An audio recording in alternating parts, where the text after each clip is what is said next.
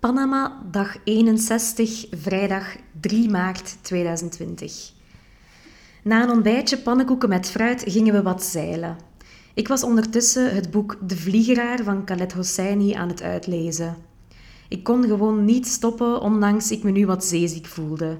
Echt geen goed idee, want erna bleef ik me misselijk voelen, tot we op een plek van vandaag tot stilstand kwamen. Prachtig azuurblauw water verwelkomde ons met het mooiste eilandje tot nu toe. Ik heb spijt dat ik de Duitser niet heb verteld dat ik een paar dagen niet bereikbaar zou zijn. Misschien is hij ongerust. De namiddag bestond vooral uit liggen, lezen, babbelen.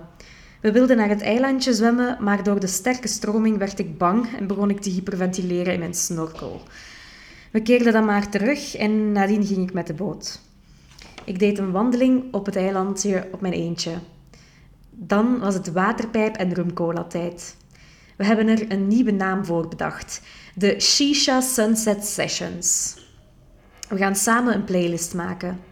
Ik heb er ook samen met Steffi en Sandra beslist dat we na Cartagena samen gaan reizen. Superleuk vooruitzicht. We komen echt heel goed overeen en hebben veel plezier samen. Panama dag 62 en 63, Colombia dag 64. Het is maandag 9 maart 2020. De vorige dagen kon ik echt niet schrijven, want we waren op open zee en ik was zo zeeziek van de hoge golven. Eergisteren was het ergste en heb ik meer dan 15 keer overgegeven. Verschrikkelijk. Ik fantaseerde dat een helikopter me zou kunnen komen redden uit deze hachelijke situatie. Naarmate de dag vorderde, merkte ik wel, merkte ik wel dat neerliggen met de ogen dicht nog oké was. Toen ik dus tijdens het avondeten opnieuw misselijk werd en me neerlegde, zette ik mijn bord aan de kant, maar door een nieuwe golf viel dat bord met ondertussen koude pasta gewoon op mijn hoofd. Ik was echter te ziek om te reageren, dus liet het gewoon gebeuren met fuck my life, echt waar. Litikan had me nooit eerder in de steek gelaten, maar nu dus wel.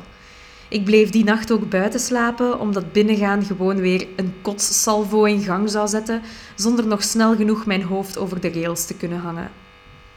Gisteren was dan wat beter. We gingen eens aan land, dan was de cirkel toch al, wat de cirkel dan toch eens kon doorbreken. Een klein eilandje van Colombia. Ik heb me heel goed moeten concentreren, maar ben toch zonder overgeven de dag kunnen doorkomen. Wel met genoeg medicatie en me ook s'nachts voldoende verdoofd voor de woelige golven. Deze ochtend kwamen we dan aan in Cartagena, Colombia. We bleven nog wat op de boot tot de coronavirusdokter kwam en migratie in orde was. Daarna trokken Steffi, Sandra en ik dan naar deze typisch Colombiaanse B&B, we zitten in een van de gezelligste straatjes van Cartagena met allemaal parapluutjes.